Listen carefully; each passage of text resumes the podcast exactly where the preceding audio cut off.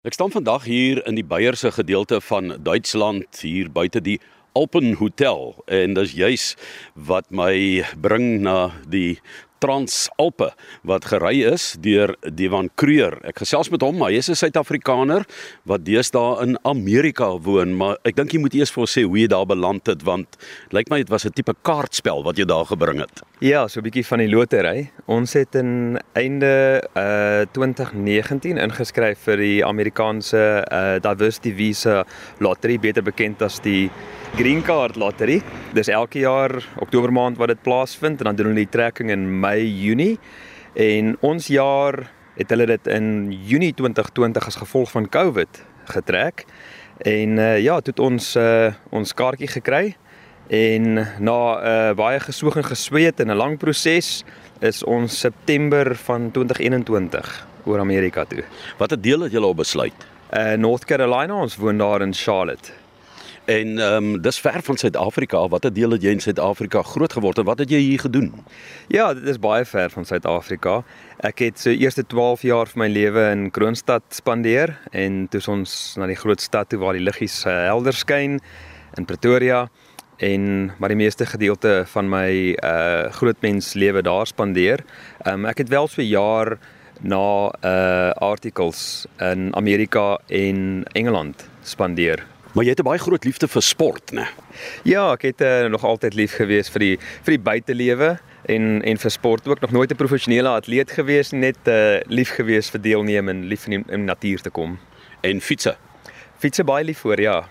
Fiets en draf. Vertel vir ons 'n bietjie van uh die fietsuitdagings wat jy al gedoen het want ons wil saam met jou nog Alpe toe gaan ook, maar kom ons begin in Suid-Afrika. Ja, ek en uh, my goeie ou vriend en kollega ons eintlik van ons Deloitte daar af uh, saamgekom en ek dink ons het altyd uh van dieselfde dinge gehou en lekker saamgewerk ook. En uh, dit het gebeur toe dat ons uithoude te begin saam doen het. Ek dink ons het korter ritte begin doen soos die Sani to See. En ons het ons tande daar geslyp. Ek dink ons het so 5 of so van die Sani to Sees gedoen.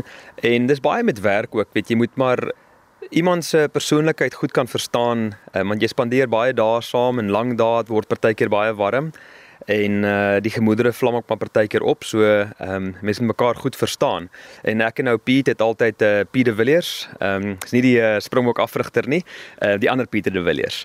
Toe 'n paar epics ook aangepak en so het ons besluit eendag weet jy ons nou genoeg van Suid-Afrikaanse uh wedrenne gedoen kom ons kyk na iets oor die water En uh, dit is waar jy Alpe toe gegaan het. Vertel vir ons van daardie uitdaging want nou praat ons van ehm um, hoogbo see speel en 'n uh, ander tipe van ervaring jy's in vreemde waters op vreemde terrein. Ja, ek dink na die Epic is daar twee uh wedrenne wat regtig nogal bekend is en baie oud is en dis die Transalps en die Transrockies en ons het besluit uh weet kom ons gaan kyk na die Transalps baie goedkoper as die as die Epic.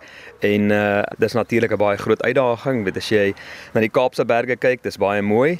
Maar uh ek dink as jy in Europa kom en jy staan so voor daai Alpe dis onbeskryflik as jy die twee moet vergelyk in terme van voorbereiding en die organisasie en die algemene ervaring, ehm um, eerstens die epic wat baie hoog aangeslaan word op 'n manier amper sê party mense al oorgeorganiseer word, so goed doen hulle dit.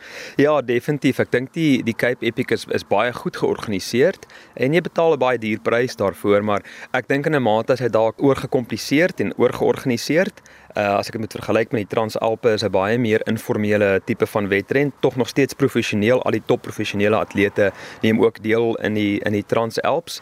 Persoonlike voorbereiding dink ek het ek die uh, Epic jy weet heelwat meer en langer voorberei.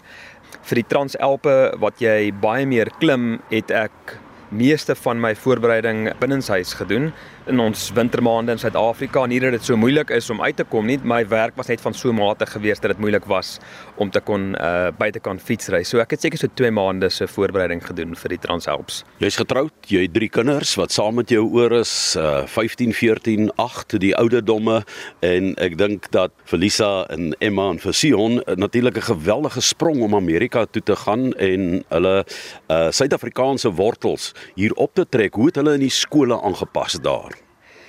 Ja, ehm um, ek dink op ons ouderdom, ek is nou uh, my vroeë 40s en soos jy noem my kinders is tieners, is baie moeilik in in 'n mate onregverdig ook, maar ek het ook daarna gekyk as 'n geleentheid vir hulle en weet om 'n bietjie hulle horisonne te verbreek. Skool was aanvanklik vir hulle 'n bietjie van 'n uitdaging. Ons het uh ek sê ek het nou gesê September, ons het uiteindelik die hele gesin oorgevat in November. So hulle het hulle skooljare klaar gemaak in Suid-Afrika en die Amerikaanse skoolstelsel begin in Augustus. So hulle het so in die middel van die jaar daar aangekom. Toe het ons maar besluit omdat hulle gaan oorskakeling gaan doen na 'n uh, Engelse skool dat dit vir hulle gaan beter wees om die tweede helfte van daai jaar dan oor te doen in Amerika. Hulle het begin in Januarie na die Kers, die kort Kersbreek, nie so lank as in Suid-Afrika se nie. Het hulle begin inskakel. Natuurlik moes hulle nou begin Engels praat het of eerder Amerikaans wat heeltemal anders is as Engels is of wat dit dit wat ons gewoond is. En ehm um, ek dink vir die meisies is dit 'n bietjie moeiliker in die hoërskool as vir die seuns, maar my kinders is baie braaf gewees en hulle het goed aangepas. Ek dink dit het hulle so so 2 maande gevat om hulle voete behoorlik te kon vind. Belangrik net dat jy deelneem en inskakel en hulle self is ook lief vir die buitelug lewe, né? Hulle self is baie lief vir die buitelug en Ja, ek dink met enigiets in die lewe, mense gaan nie noodwendig na jou toe uitreik nie en ons het ook maar doelbewus probeer inskakel in ons omgewing, weet of dit nou by 'n kerkgemeenskap is of by 'n sportgemeenskap. Jy moet moeite doen van jou eie kant af om by 'n gemeenskap in te skakel. Dis baie belangrik. Daardie groen kaart lotery, wat is die kans dat 'n mens um, dit kan wen? So ek ken nou nie presiese waarskynlikheidsteorieë nie, maar ek dink dit is so 1 tot 400 jaar het ek al gehoor die ouens praat. Daar so 15 miljoen mense wat elke jaar inskryf en net 50000 visums word beskikbaar gestel. So doen maar self die somme. ja, jy's mos 'n syferman, jy weet wat ons kan sê. Kom ons gaan na die eh, Transalpe toe weer. Julle voorbereiding daarvoor en die omgewing en die omstandighede. Vertel vir ons 'n bietjie want ek het so gevoel dat dit dalk 'n 4 seisoene rit kan wees binne die tydperk wat julle daar was. Ja, die jaar toe ons die Transalps gedoen het, uh het dit begin hier rondom 16de Julie. So uh, ons het ingevlieg Munich toe, ehm um, of beter bekend München en van daar af die trein gevat Ruhpolding toe in die suidooste van Duitsland. Pragtige klein uh plattelandse dorpie, net so op die grens van Oostenryk en ehm um, pragtige somerweer gehad natuurlik waarmee ons begin het seker so laat 30s uh, Celsius maar ons het deur die sneeu gegaan daai week ehm um, nie selfs sneeustorms nie maar op pieke deur gegaan waar dit uh, amper kniediep sneeu was. Ons was deur haalstorms en hypothermia. Ehm um, so ons het so iets van alles gehad daai week in uh, in seisoene en klimaat. En ehm um, hoe voel die bene na die ren maar jy sê daar baie ehm um, internasionale sterre ook is maar ek ek, ek dink jy jy kyk maar hoe hulle seker klein word voor jou want daardie ouens in Europa en hier waar ons staan spesifiek is absoluut gaande oor die buitelug lewe wanneer hulle die kans kry om op 'n fiets te klim of te ski en sulke dinge te doen. Ja nee, ons het maar altyd uh, ons het getoer. So ons is so altyd middel van die groep waar ons deelneem. Ons is nie professionele atlete nie. Ons kompeteer nie met die voorste ouens nie. Natuurlik is mens maar kompeteer met jouself en jou spanmaat, maar uh dis heeltemal op 'n ander vlak. Ehm um, ja, om dit in perspektief te sit met die Epic, ek dink die Epic klim jy so 15 16000 meter in die week uh van die wedren.